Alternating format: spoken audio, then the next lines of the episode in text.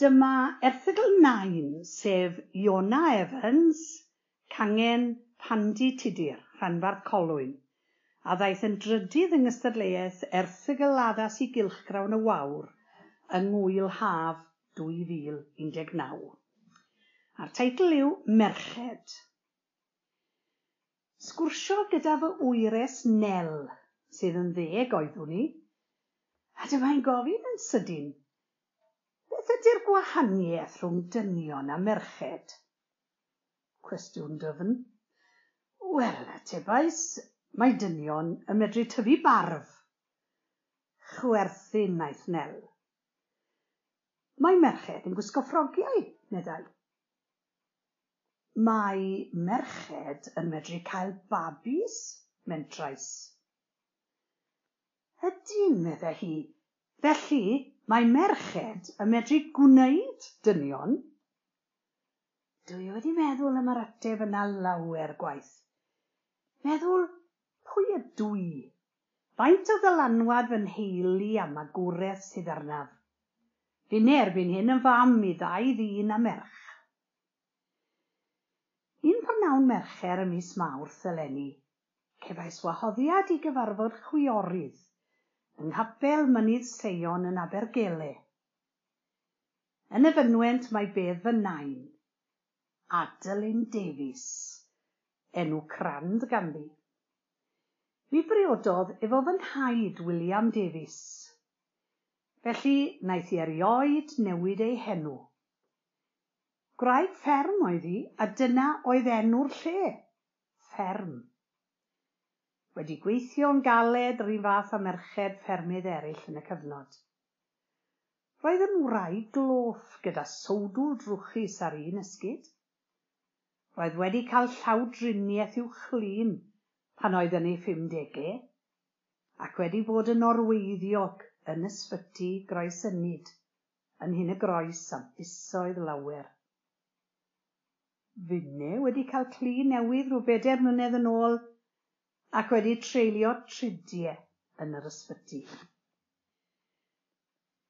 Dwi ddim yn cofio nain yn mynd i'r capel. Capel gosen yn hopiau eglws bach. Dau gyfarfod ar y sil fyddai'n cael y cynnal. Pregeth am ddau ac ysgol sil am chwech.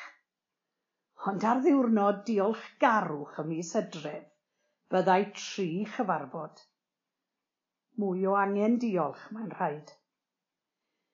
Roedd o'n wrth fy modd yn cael gwahoddiad i fferm ar y diwrnod arbennig yma. Tra bod gweddill y teulu yn addoli, byddai nain wedi bod adre yn paratoi cinio. Ac un peth arbennig fyddai'n ei wneud oedd pwdin efro bach crwn. Na welais erioed ei tebyg cynt na wedyn. Roeddent fel cacennau sponge wedi codi fel mynyddoedd. Tair o ferched gafodd nain, Mair, Margaret fy mam ac Elizabeth. Mi symudodd nain a taid i fyw yn Abergele ar ôl ymddeol.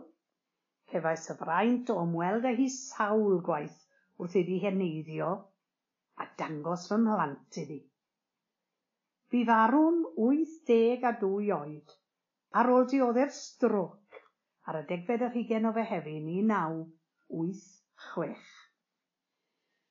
Yr un wythnos ym mis Mawrth roedd Cymdeithas Edward Llwyd gyda thaith yn cychwyn o Langerniw. Ar ôl cychwyn o faes parcio'r ysgol, a'i i'r fynwent i weld y goeden ywen hynafol sydd dros bedair mil o flynyddoedd oed. Chydig lathenni i lawr y llwybr oddi wrth y goeden, mae bedd fy nain arall, mam fy nhad, Jane Jones. Nain llan fyddwn yn ei galw. Mae gen i lawer o atgofion yn cael mynd i aros gyda hi. Ogle cig moch a wyau yn cael ei ffrio, a ffwdi'n gwaed na welais yn fy nghartref.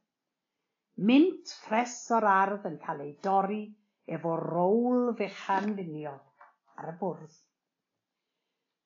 Roedd 'yn nhad a'i chwaer Dilys wedi geni cyn i nain fod yn briod.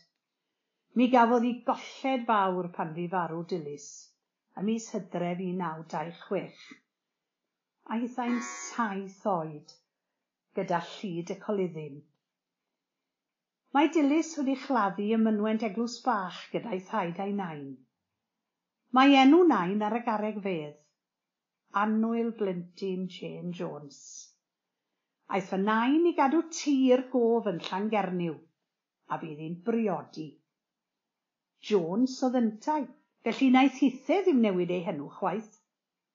Fel nain ac Uncle Ernest roeddwn i'n ei galw, treuliodd fy mrawd a funes hawl haf yn busnesa yn yr efail yn gwylio'r mynd a dod prysur yn niwedd y pumdegau. Chwe deg a thair oedd fy nain pan fi farw o ganser y gwaed ym mis Ebrill 1962. Pan oedd y breallu yn y cloddiau a chennin peder yn ei blodau. Mae gen i lythyr anfonodd ataf pan oedd hi yn yr ysbyty yn nechrau'r chwedegau, yn disgrifio'r bwyd meddal oedd hi yn ei gael tatws a sos gwyn a ffysgodin wedi ferwi, uwd a jeli a blamonj a hifen ia. Dim sôn am aragl cig moch yn ffrio. Mae'n dweud fod y staff yn bryn yn yr ysbyty y mae Colwyn ac yn addo dod â phethau iddi, ond ei bod yn dal i aros. Naw oed oeddwn ni pan fu hi farw dwy nain ac atgofion. Tybed, beth fydd Nel yn ei gofio amdana fi? Dyma ddarn o englyn gan Tudur Aled, a sgrifennodd yn y bymthegfed ganrif. Hysbys y dengis dyn, neu ferch, o baradd y boi wreiddyn. Darllenwyd yr erthygl gan Gillian Jones, aelod o Gangen Llambed yn rhanbarth Ceredigion.